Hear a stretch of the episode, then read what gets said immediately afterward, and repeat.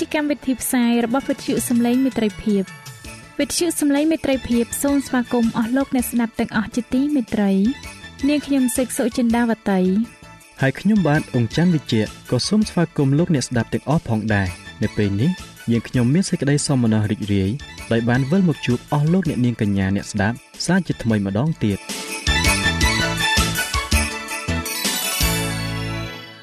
នាងខ្ញុំសេកសុចិន្តាវតី សូមជម្រាបជូនកម្មវិធីផ្សាយ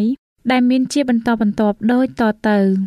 នេតិជួបជាមួយព្រះបន្ទូលនេតិសុខភាពចា៎លោកអ្នកស្ដាប់ជាទីមេត្រី នាងខ្ញុំសូមគោរពអញ្ជើញអស់លោកលោកស្រីអ្នកនាងកញ្ញាតាមដានស្ដាប់កម្មវិធីផ្សាយរបស់វិទ្យុយើងខ្ញុំដូចតទៅ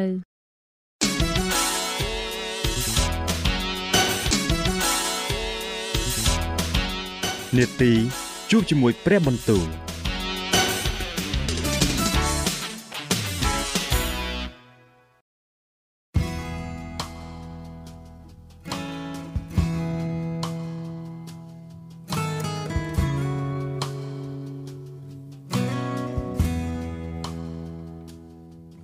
ចាអស់លោកអ្នកស្ដាប់ជាទីមេត្រី ជាដំបូងនាងខ្ញុំសូមអញ្ជើញលោកអ្នកនាងស្ដាប់នេតិជួបជាមួយព្រះបន្ទូល នេតិនេះនឹងលើកយកព្រះបន្ទូលពីព្រះគម្ពីរទំនុកដង្កើង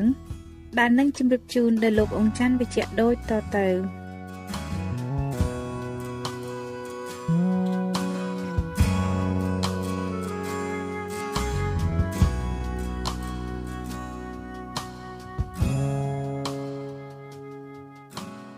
ព្រះគម្ពីរទំនុកដំកើងចំពុកទី97 ព្រះយេហូវ៉ាទ្រង់គ្រប់គ្រង គូឲ្យផែនដីអសបាយឡើង គូឲ្យពួកកោះដ៏មានជាច្រើន មានសេចក្តីអំណរដែរមានពពក និងសេចក្តីងងឹតបាំងជុំវិញទ្រង់សេចក្តីសុចរិតនិងសេចក្តីយុត្តិធម៌ជាជើងថ្កល់បល្ល័ង្កទ្រង់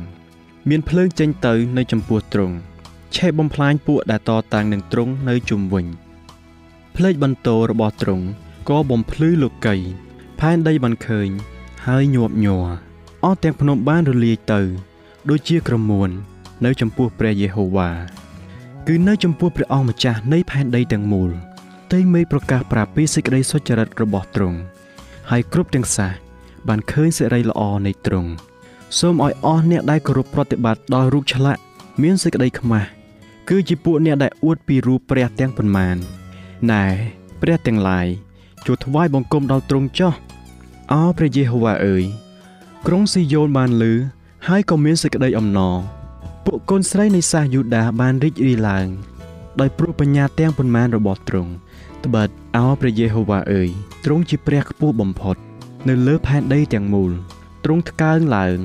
យ៉ាងវិសេសជាងអស់ទាំងព្រះអោពួកអ្នកដែលស្រឡាញ់ដល់ព្រះយេហូវ៉ាអើយចូលស្អប់ការអាក្រក់ចោះ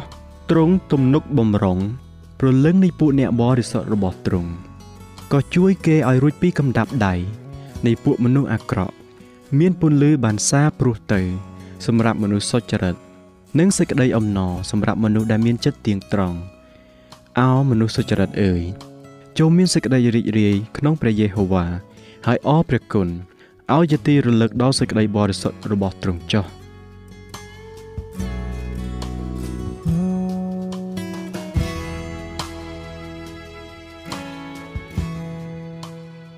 ព្រះគម្ពីរទំនុកដំកើងចំពុកទី98ចូលច្រៀងបទថ្មីថ្វាយព្រះយេហូវ៉ាពីព្រោះទ្រង់បានធ្វើការយ៉ាងអស្ចារ្យព្រះហស្តស្ដាំនិងព្រះពិហុដ៏បរិសុទ្ធរបស់ទ្រង់បាននាំឲ្យទ្រង់មានជ័យជំនះព្រះយេហូវ៉ាទ្រង់បានសម្ដែងឲ្យស្គាល់សេចក្តីសង្គ្រោះរបស់ទ្រង់ទ្រង់បានធ្វើឲ្យសេចក្តីសុចរិតរបស់ទ្រង់បានប្រកបច្បាស់នៅចំពោះភ្នែកនៃអស់ទាំងសះទ្រង់បាននឹកចាំពីសេចក្តីសប្បុរស និងសេចក្តីស្មោះត្រង់របស់ទ្រង់ចំពោះវងអ៊ីស្រាអែលហើយអស់ទាំងចុងផែនដីបានឃើញសេចក្តីសង្គ្រោះរបស់ព្រះនៃយើងខ្ញុំចូលឡើងសំឡេងដោយអំណរថ្វាយព្រះយេហូវ៉ាអោផែនដីទាំងមូលអើយចូលទំលាយច្រៀងដោយអំណរអើចូលច្រៀងសរសើរចុះចូលច្រៀងបទសរសើរថ្វាយព្រះយេហូវ៉ាតាមសង្ឃគឺដោយចាប់សង្ឃហើយដោយសំឡេងដ៏ពីរោះដោយត្រែនិងសូរស្នែងផង ចូលឡើងសំឡេងដោយអំណរនៅចំពោះព្រះយេហូវ៉ាដ៏ជាមហាក្សត្រចូលឲ្យសមុទ្រលាន់លឺរំពងព្រមទាំងរបស់សពសារពើដែលនៅក្នុងនោះហើយលោកីនិងអស់អ្នកដែលនៅលោកីផងចូលឲ្យអស់ទាំងទន្លេទះដៃហើយឲ្យភ្នំទាំងប៉ុន្មានច្រៀងជាមួយគ្នាដោយអំណរគឺនៅចំពោះព្រះយេហូវ៉ាត្បិតទ្រង់យាងមក ដើម្បីជំនុំជម្រះផែនដីទ្រង់នឹងជំនុំជម្រះលោកី ដោយសេចក្តីសុចរិតហើយអស់ទាំងសះដោយសេចក្តីទៀងត្រង់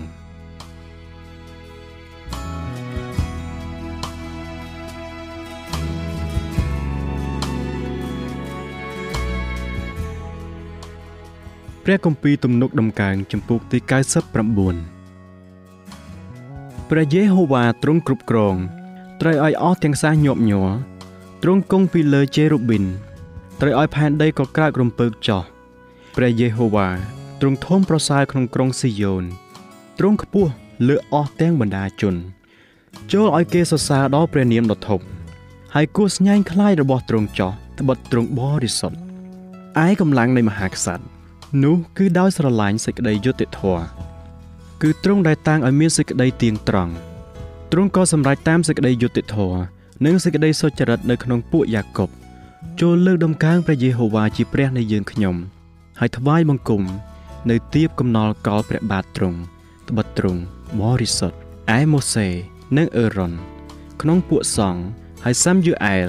ក្នុងពួកអ្នកដែលអំពាវនាវដល់ព្រះនាមទ្រង់គេបានអំពាវនាវដល់ព្រះនាមព្រះយេហូវ៉ាហើយទ្រង់ក៏ទទួលព្រមទ្រង់មានបន្ទូលនឹងអ្នកទាំងនោះ នៅក្នុងបង្គោលពពក គេបានរក្សាសេចក្តីបន្ទាល់របស់ទ្រង់ព្រមទាំងក្រិតក្រមដែលទ្រង់ប្រទានឲ្យផង អោព្រះយេហូវ៉ាជាព្រះនៃយើងខ្ញុំអើយ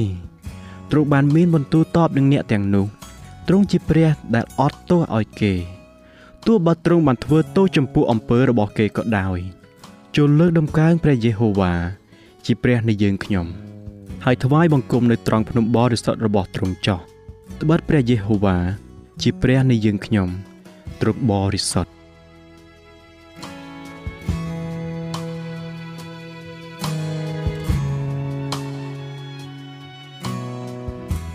ចា៎ប្រិយមិត្តអ្នកស្ដាប់ជាទីមេត្រី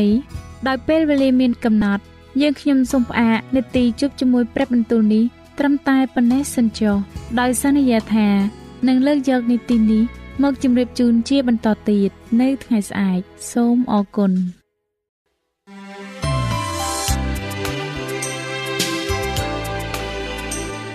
វិទ្យុសំឡេងមេត្រីភាព AWR នាំមកជូនលោកអ្នក នៅសារនៃសេចក្តីស្រឡាញ់ពីព្រះអង្គម្ចាស់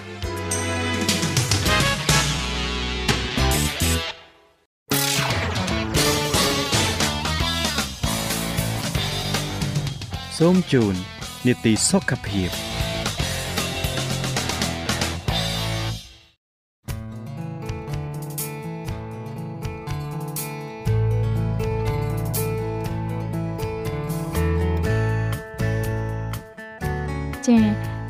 នៅក្នុងនីតិសុខភាពនៅថ្ងៃនេះនាងខ្ញុំសូមគោរពអញ្ជើញអស់លោកអ្នកនាងតាមដានស្ដាប់មេរៀនសុខភាពដែលនឹងជម្រាបជូនដោយកញ្ញាឌីណាដូចតទៅ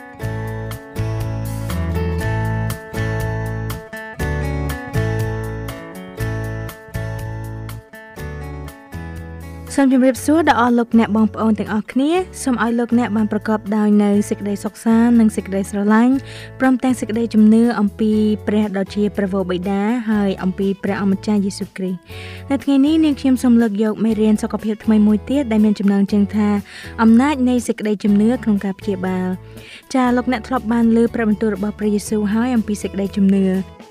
ទ្រង់មានបន្ទូលថាគឺដោយព្រោះតែអ្នករាល់គ្នាមានសេចក្តីជំនឿតិចពេកប៉ុណ្ណោះត្បិតខ្ញុំប្រាប់ជាប្រកាសថាបើមានសេចក្តីជំនឿដោយក្របពូជមួយយ៉ាងល្អិតនោះអ្នករាល់គ្នាអាចនឹងនិយាយទៅភ្នំនេះថាចូលរើចេញពីទីនេះទៅទីនោះចោលនោះនឹងបានដូច្នោះហើយក៏គ្មានការអ្វីដែលអ្នករាល់គ្នាធ្វើមិនកើតនោះទេម៉ាថាយជំពូកទី17ខ20 តើសេចក្តីជំនឿជាអ្វីហើយអ្វីបានជាសេចក្តីជំនឿមានអំណាចខ្លាំងបែបនេះចាអញ្ចឹងសូមលោកអ្នកតាមដានមេរៀននេះដូចតទៅ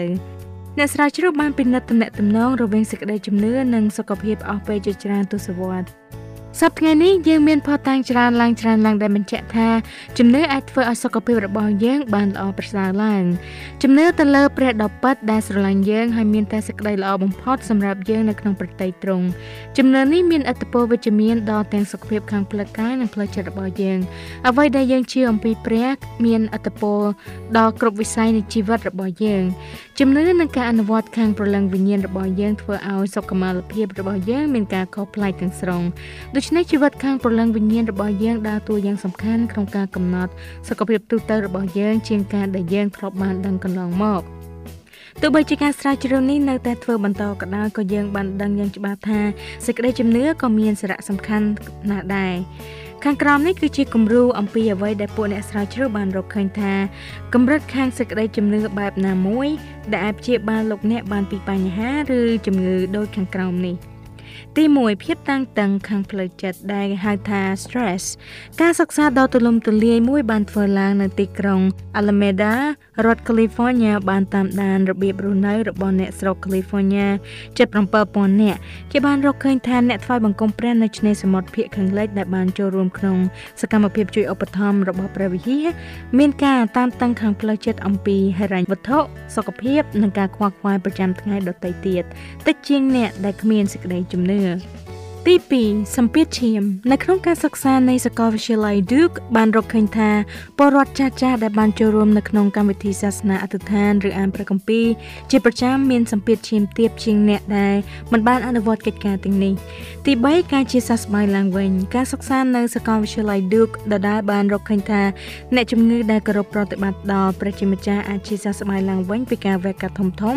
ដោយចំណាយជាមធ្យម11ថ្ងៃក្នុងមន្ទីរពេទ្យតែប៉ុណ្ណោះបើប្រៀបធៀបជាមួយនឹងអ្នកជំងឺដែលមិនជឿលើសាសនាដែលពួកគេចំណាយពេលរហូតដល់25ថ្ងៃនៅមន្ទីរពេទ្យទី4ភាពស៊ាំនឹងរោគការស្រាវជ្រាវលើមនុស្សពេញវ័យចំនួន1700នាក់បានរកឃើញថាអ្នកដែលចូលរួមក្នុងកម្មវិធីសាសនាហាក់ដូចជាមិនសូវមានការកើនឡើងនៃកម្រិត interleukin 6ជាសារធាតុដែលរាងកាយបញ្ចេញជាមួយនឹងជំងឺរ៉ាំរ៉ៃនោះឡើយ។ ទី5របៀបរស់នៅ ការពិនិត្យសរុបឡើងវិញទៅលើការសិក្សាជាច្រើនបានបង្ហាញថាសេចក្តីជំនឿបានភ្ជាប់ជាមួយអត្រានៃការធ្វើអត្តឃាតទាបការសេពគ្រឿងស្រវឹងតិចនិងគ្រឿងញៀនតិចការប្រព្រឹត្តបទអក្រិតតិចមានការលេងលះតិចនិងមានសេចក្តីសុខសាន្តជាច្រើននៅក្នុងចំណោមក្រុមគ្រួសារវិញ។ 6ការបាក់ទឹកចិត្តយោងតាមការសិក្សានៃសាកលវិទ្យាល័យ Columbia បានឲ្យដឹងថាស្ត្រីដែលមានម្ដាយជាអ្នកកាន់សាសនាមានការធ្លាក់ទឹកចិត្តតិចជាងអ្នកដែលមានម្ដាយមិនកាន់សាសនាដល់ទៅ60%កូនស្រីដែលកាន់សាសនានៅក្នុងនិកាយដូចម្ដាយរបស់គេរងគ្រោះដោយជំងឺបាក់ទឹកចិត្តតិចជាងអ្នកដែលមិនកាន់សាសនាដល់ទៅ71%ខណៈដែលកូនប្រុសមានជំងឺបាក់ទឹកចិត្តនេះតិចជាងរហូតដល់84%អស់លោកអ្នកស្ដាប់ជាទីមេត្រីទោះជាយ៉ាងនេះក៏ដោយក៏សេចក្តីជំនឿមិនមែនជារឿងដែលមនុស្សទាំងអស់ត្រូវការដើម្បីឲ្យមានសុខភាពល្អឥតខ្ចោះនោះទេចាប់តាំងពីអំពើបាបចូលមកនោះយើងទទួលការជិះចាប់ខាងរាងកាយខាងផ្លូវចិត្តនិងខាងព្រលឹងវិញ្ញាណទាំងអស់គ្នាទោះបីជាយើងមានជំនឿលើព្រះខ្លាំងប៉ុណ្ណាក៏ដោយនៅក្នុងគម្ពីរយោបលោកយោបបរោះនៃសេចក្តីជំនឿដ៏អស្ចារ្យម្នាក់បានស៊ើទ្រាំនឹងការឈឺចាប់ខាងរាងកាយរីឯលោកពោវិញបានទូអង្វរព្រះបីដងគឺសូមឲ្យទ្រង់ដកបន្លាចេញពីសាច់របស់គាត់ប៉ុន្តែជំនួសឲ្យការព្យាបាលខាងរាងកាយដែលខ្ទេចខ្ទាំរបស់គាត់លោកពោបានទទួលភាពពេញលេញយ៉ាងពិសេសមួយព្រះម្ចាស់បានមានបន្ទូលប្រាប់គាត់ថាកូនរបស់អញល្មមដល់ឯងហើយត្បិតកម្លាំងអញបានពេញខ្នាតដល់សេចក្តីកំសោយករណីទី2ចំពុក12ខ9គ្មានអ្វីឆ្ងល់ទេលោកប៉ុលអាចមានប្រសាសន៍ថាត្បិតកាលណាខ្ញុំខ្សោយនោះខ្ញុំមានកម្លាំងយ៉ាងចំណានវិញ ក្រឹងថោទី2ចំពុក12ខ10 ទោះបីមានជំនឿក៏ដោយការលើកទឹកចិត្តបែបនេះមានអត្ថន័យពិសេសដល់អ្នកដែលអធិដ្ឋាន និងព្យាបាលតាមបែបវិទ្យាសាស្ត្រតែនៅតែទទួលរងការឈឺចាប់ពីជំងឺរ៉ាំរ៉ៃចាប៉ិតមែនហើយសេចក្តីជំនឿធ្វើឲ្យមានការខុសគ្នា ប៉ុន្តែសំណួរនៅតែមានដដែលការស្រាវជ្រាវបញ្ជាក់យ៉ាងច្បាស់ថាជំនឿធ្វើឲ្យមានការខុសគ្នានៅក្នុងជីវិតខាងរាងកាយក៏ដូចជាខាងព្រលឹងវិញ្ញាណរបស់យើងដែរក៏ប៉ុន្តែសំណួរដ៏សំខាន់សំខាន់នៅតែមានបើយើងមានជំនឿគ្រប់គ្រាន់តើយើងអាចរស់នៅតាមចិត្តយើងចង់ហើយនៅតែមានសុខភាពល្អដែរឬទេតែជំនឿផ្ដោតសិទ្ធឲ្យយើងបំពេញនឹងច្បាប់សុខភាពហើយនៅតែរំពឹងថានឹងរស់នៅបានយូរអង្វែងដែរឬទេ ចាឧបមាថាប្រសិនបើលោកអ្នកមានជំនឿគ្រប់គ្រាន់តែលោកអ្នកផ្លាស់ប្ដូររបៀបរស់នៅរបស់លោកអ្នកតែបន្តិចបន្តួចនោះគឺជាការគិតខុសដែលនាំឲ្យលោកអ្នកចូល មន្ទីរពេទ្យយ៉ាងឆាប់រហ័សហើយកំណត់ដែលថាសេចក្តីជំនឿគឺជាវេទមន្តស័ក្តិសិទ្ធិសម្រាប់ព្យាបាលជំងឺដែលមិនចាំបាច់ពឹងអ្នកជំនាញខាងវិទ្យាសាស្ត្រទេនោះកំពុងតែយល់ច្រឡំយ៉ាងធំហើយមនុស្សមួយចំនួនជឿថាប្រសិនបើអ្នកទៅរកវិជ្ជបណ្ឌិតឲ្យព្យាបាលតាមបែបវិទ្យាសាស្ត្រនោះមានន័យថាអ្នកខ្វះជំនឿហើយពួកគេមិនយល់ថាព្រះដែលអាចព្យាបាលដោយផ្ទាល់នោះទ្រង់ក៏តែងតែនាំអ្នកជំនាញអាជីពផ្នែកវិទ្យាសាស្ត្រឲ្យមកព្យាបាលផងដែរសរុបមកការព្យាបាលទាំងអស់គឺសុទ្ធតែមកពីព្រះទាំងអស់ទ្រង់ជាអ្នកព្យាបាលដ៏អស្ចារ្យប៉ុន្តែទ្រង់ព្យាបាលរបៀបណា ហើយនរណាដែលទ្រង់បានប្រើដើម្បីព្យាបាលនោះគឺស្រេចនៅលើទ្រង់ចាតើសេចក្តីជំនឿជាអ្វីហើយតើត្រូវអនុវត្តសេចក្តីជំនឿដោយរបៀបណាចូលស្វែងរកជំនឿពិតប្រាកដពីព្រះគម្ពីរព្រមទាំងពិចារណាពីប្រភពនិងលទ្ធផលរបស់សេចក្តីជំនឿនេះ ដើម្បីយល់អំពីអត្ថន័យនៃសេចក្តីជំនឿយើងអាចចាប់ផ្ដើមជាមួយនឹងគម្ពីរ Hebrew ចំពុកទី11ខ1បានចែងថារីឯសេចក្តីជំនឿនោះគឺជាចិត្តដែលដឹងជាក់ថានឹងបានដូចសង្ឃឹមជាសម្គាល់ពីការដែលមើលមិនឃើញសេចក្តីជំនឿគឺជាគ្រឹះដ៏រឹងមាំនៃជីវិតរបស់យើងឈរនៅពីក្រោមរឿងគ្រប់យ៉ាងផ្សេងគ្រប់គ្រងក្តីសង្ឃឹមរបស់យើងទាំងអស់និងគ្រប់គ្រងយើងនៅពេលយើងប្រឈមនឹងបញ្ហាស្មុគស្មាញនៃជីវិតនេះគឺជាផ្នែកសំខាន់បំផុតនៃជីវិតខាងវិញ្ញាណដ៏រឹងមាំជំនឿរក្សាជីវិតពីសេចក្តីវិនាស លោកអេបែលលោកហេណុកលោកណូអេលោកអាប់រ៉ាហាំលោកយ៉ាកុបលោកម៉ូសេលោកយូសែបនិងវីរៈបរិបផ្សេងផ្សេងទៀតដែលមានចែងនៅក្នុងព្រះគម្ពីរហេព្រើរជំពូកទី11មានរឿងមួយដូចគ្នាគឺសេចក្តីជំនឿដែលទ្រទ្រង់និងគ្រប់គ្រងពួកគេពេញមួយជីវិតសេចក្តីជំនឿគឺជាទំនាក់ទំនងជាមួយនឹងព្រះជាមិត្តសម្លាញ់ដ៏ល្បីល្បាញម្នាក់ដែលដឹកនាំយើងឲ្យធ្វើអ្វីដែលទ្រង់តម្រូវឲ្យយើងធ្វើនិងទទួលយកនៅអ្វីដែលទ្រង់ប្រទានមកជាមួយនឹងការធានារ៉ាប់រងដ៏ពេញលេញដែលទ្រង់ចង់ឲ្យយើងមានតែជីវិតល្អប្រពៃបំផុតប៉ុណ្ណោះជាការជឿជាក់ថាព្រះនឹងប្រទានកម្លាំងដល់យើងដើម្បីយកជ័យជំនះលើរាល់ការពិបាកនិងរាល់ឧបសគ្គរហូតដល់ថ្ងៃដែលយើងទទួលរង្វាន់ចុងក្រោយបង្អស់នៅក្នុងនគរដ៏អស្ចារ្យជានិច្ចរបស់ទ្រង់ដូច្នេះជំនឿនាំឲ្យអ្នក ជឿទុកចិត្តលើព្រះជាព្រះតែមួយអង្គដែលស្រឡាញ់លោកអ្នកហើយទ្រង់ជ្រាបពីអ្វីដែលល្អសម្រាប់លោកអ្នកនិងយកប្រតិទុកដាក់និងសុភមង្គលរបស់លោកអ្នកដោយផ្ដល់កម្លាំងពលំដល់ការរស់នៅទាំងស្រុងរបស់យើងសេចក្តីជំនឿលើកស្ទួយព្រលឹងវិញ្ញាណរបស់យើងជំរុញចិត្តរបស់យើងរំលឹកសេចក្តីសង្ឃឹមរបស់យើងហើយផ្លាស់ប្ដូរទស្សនវិស័យរបស់យើងពីគោលការណ៍បច្ចុប្បន្ននេះតែជាការរស់នៅជាក់ស្ដែងនៅពេលអនាគតការជឿលើសេចក្តីសន្យារបស់ព្រះគឺទទួលអំណោយទានរបស់ទ្រង់មុនពេលដែលសេចក្តីសន្យានោះលេចចេញជារូបរាងជាក់ស្ដែងចាជាបន្តទៀតសូមអស់លោកអ្នកស្ដាប់ពីអ្នកដែលមានជំនឿទៅលើព្រះដែលមានចែងនៅក្នុងគម្ពីរហេព្រើរចំពុកទី11ព្រះបានរាយឈ្មោះវីរៈបរិះនៃសេចក្តីជំនឿតាមសម័យកាល ឈ្មោះរបស់ពួកគេព្យួរយ៉ាងខ្ពស់នៅក្នុងបញ្ជីរាយនាមអ្នកមានជំនឿដល់ព្រះគួរឲ្យភ្ញាក់ផ្អើលណាស់ដែលគំរូនៃសេចក្តីជំនឿទី1ដែលទ្រង់បានប្រទាននៅក្នុងគម្ពីរហេព្រើរចំពុកទី11នេះគឺជាមនុស្សម្នាក់ដែលបានស្លាប់ដោយព្រះមិនបានធ្វើការអស្ចារ្យណាមួយដើម្បីសង្គ្រោះដល់គាត់សោះចាតើគាត់ជានរណាសូមស្ដាប់ព្រះគម្ពីរហេព្រើរបានចែងថាដោយសារសេចក្តីជំនឿនោះអេប៊ែលបានថ្វាយយ៉ាញ់បូជាដល់ព្រះដែលប្រសើរជាងដងវាយរបស់កាអ៊ីន ហើយសេចក្តីបន្តពីគាត់ដោយព្រោះយ៉ាញ់បូជានោះថាគាត់សុចរិតទាំងមានព្រះធ្វើទីបន្ទាត់ពីដង្វាយគាត់ផងបានជាទោះបើគាត់បានស្លាប់ក៏ដោយគង់តែមាននិយាយទៅទៀតហេព្រើរចំពុកទី11ខ4យោងតាមព្រះគម្ពីរអេប៊ើគឺជាបុគ្គលសុចរិតម្នាក់ប៉ុន្តែតើអ្វីតែដែលជាលទ្ធផលនៃសេចក្តីជំនឿរបស់គាត់គាត់ត្រូវបានគេសម្លាប់បើសិនជាគាត់មិនមានជំនឿទេនោះគាត់នឹងបានរស់នៅ កាអ៊ីនមិនមានសេចក្តីជំនឿទេ ហើយបានរស់នៅខណៈដែលអេប៊ែលមានសេចក្តីជំនឿហើយបានស្លាប់ ការនោះហាក់ដូចជាចម្លែកចំពោះមនុស្សមួយចំនួនដែលមានការយល់ឆ្ងល់ពីសេចក្តីជំនឿពិតដូចជាអ្នកដែលជឿថាប្រសិនបើអ្នកមានជំនឿគ្រប់គ្រាន់នោះអ្នកតែងតែនឹងបានជាសះស្បើយដូច្នោះដែរឥឡូវនេះសូមពិចារណាពីលោកហេណុកជាដំណរវងនៃអ្នកមានជំនឿបន្ទាប់ពីអេប៊ែលនៅក្នុងព្រះគម្ពីរដោយសារសេចក្តីជំនឿនោះហេណុកបានឡើងទៅលើមិនបានឃើញសេចក្តីស្លាប់ឡើយហើយគេរកគាត់មិនឃើញទៀតពីព្រោះព្រះបានយកគាត់ទៅត្បិតការមុនដែលលោកយកគាត់ទៅនោះមានសេចក្តីបន្ទាប់ពីគាត់ថាព្រះទ្រង់សពប្រាតីនឹងគាត់ណាស់ហេព្រើរចំពុកទី11ខ5ប្រសិនបើលោកហេណុកមិនមានសេចក្តីជំនឿទេនោះគាត់នឹងស្លាប់ប៉ុន្តែគាត់មានសេចក្តីជំនឿដូច្នេះគាត់បានរស់នៅចំណែកអេបលមានគុណសម្បត្តិនៃសេចក្តីជំនឿដូចគ្នាហើយបានវិនាសទោះជាយ៉ាងនេះក៏ដោយរឿងនោះមិនធ្វើឲ្យយើងឆ្ងល់ទេតម្លៃនៃសេចក្តីជំនឿនីមួយៗនៅក្នុងគម្ពីរហេព្រើរចំពុកទី11បង្រៀនយើងពីការជឿទុកចិត្តលើព្រះលោកហេណុកជឿទុកចិត្តលើទ្រង់រួចមានជីវិត ហើយអេបលបានធ្វើដូច្នេះរួចក៏សេចក្តីស្លាប់វិញ។ចាដោយសារពេលវេលាមានកំណត់នាងខ្ញុំសូមផ្អាកនាទីនេះត្រឹមតែប៉ុណ្្នឹងសិនចុះនាងខ្ញុំនឹងលើកយកភាគទី2មកជម្រាបជូនលោកអ្នកជាបន្តទៀតនៅសប្តាហ៍ក្រោយតាមពេលវេលានឹងម៉ោងដដែលសូមឲ្យលោកអ្នកបានប្រកបដោយព្រះគុណនិងសេចក្តីសុខសាន្តអំពីព្រះដ៏ជាព្រះវរបិតានៃយើងហើយអំពីព្រះអម្ចាស់យេស៊ូវគ្រីស្ទចាសម្រាប់ពេលនេះនាងខ្ញុំឌីណាសូមអរគុណសូមជម្រាបលា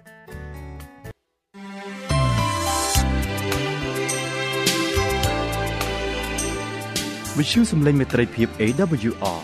មានផ្សាយពីរដងក្នុងមួយថ្ងៃ គឺព្រឹកនៅម៉ោង6និងពេលយប់នៅម៉ោង8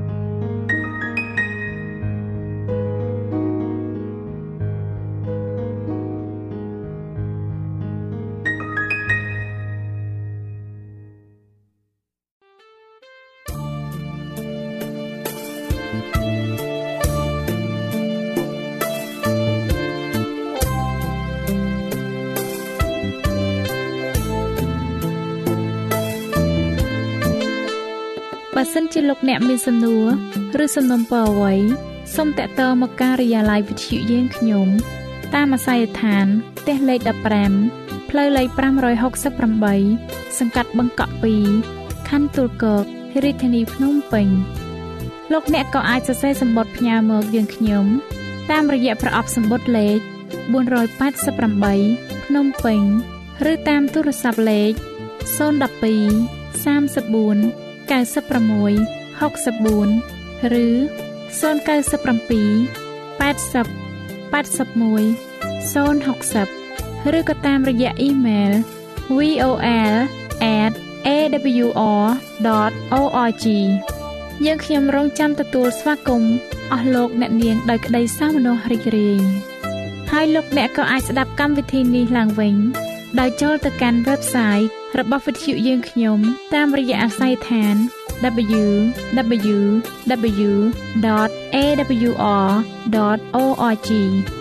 លោកអ្នកនាងកញ្ញាជាទីមេត្រី កម្មវិធីផ្សាយរបស់វិទ្យុសំឡេងមេត្រីភាពនៅពេលនេះសូមបញ្ចប់តែប៉ុណ្ណេះ